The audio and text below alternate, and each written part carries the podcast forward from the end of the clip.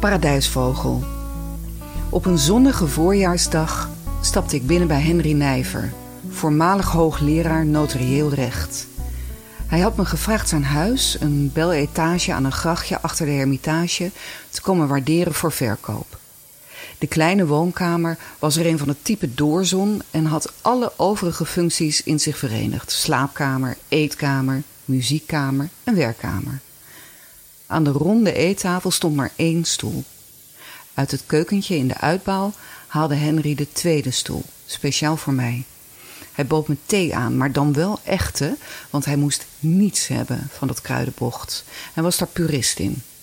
Ook de trektijd achtte hij van het grootste belang. En voordat hij van wal stak, stootte hij mijn kopje om.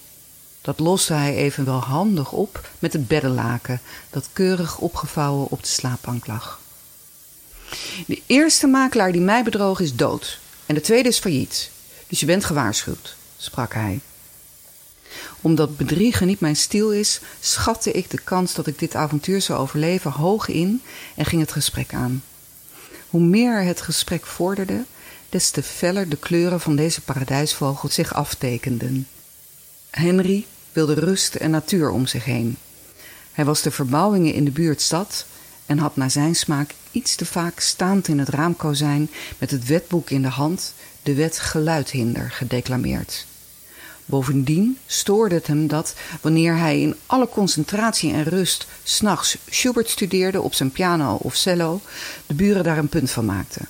Ik moest goed begrijpen, er was per slot van rekening een verschil tussen geluidhinder en kunst. Met zijn buren leefde hij in onmin. Dus als voorzitter en penningmeester van de Vereniging van Eigenaren vergaderde hij solo en hield hij boek zonder controle. In antwoord op mijn vraag naar het maanlandschap van bruine kraters op het plafond, stiefelde hij naar zijn golftas. Hij pakte er het beste ijzer uit, posteerde zich in het midden van de kamer en haalde uit. Zijn energieke swing eindigde in het plafond. Daarmee het mysterie van de bruine putten ophelderend. Terwijl de tweede kop thee trok en het ijs smolt, keuvelden wij over kunst en notarieel recht. Inmiddels genoot hij al lang van zijn pensioen, maar hij deed zijn best om bij te blijven. Na twee uur gingen we als vrienden uit elkaar en kreeg ik de sleutels van het huis. De verkoop verliep voorspoedig en het enige onvertogen woord viel toen Henry tijdens de fotoshoot nog snel een raam wilde lappen en van het wankele trappetje tuimelde. Zijn vloek zou zich in een strip hebben laten vertalen als een puntige wolk vol donder, bliksem, uitroeptekens en doodshoofden.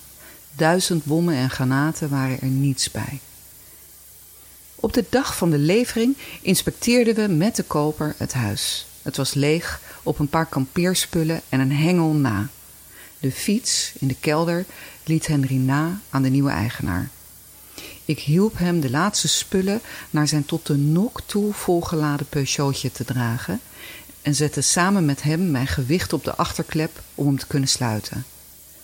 Henry had een safari-outfit aan en in een van de handige zakken van het vest meende hij de autosleutel te hebben gestopt. Na een half uur zoeken vonden we die echter terug op straat. De eerste tijd na de verkoop kreeg ik nog geregeld een kaart van Henry vanuit de Ardennen, waar hij kampeerde in een houten chalet. Voor mijn verjaardag in november, met kerst en ergens in het voorjaar. Iedere kaart heb ik met een glimlach gelezen en met plezier beantwoord. Op een gegeven moment werd het stil. Henry reageerde niet meer op post en niet meer op e-mail. Ik vrees dat hij zich, eenzaam en eigenzinnig als hij was, als een ziek dier in de bossen had teruggetrokken om rustig zijn einde af te wachten. Niemand lastigvallend met zijn nalatenschap. Het huis keurig verkocht, zijn bezittingen weggegeven en de balans opgemaakt. Rust en vrede, paradijsvogel.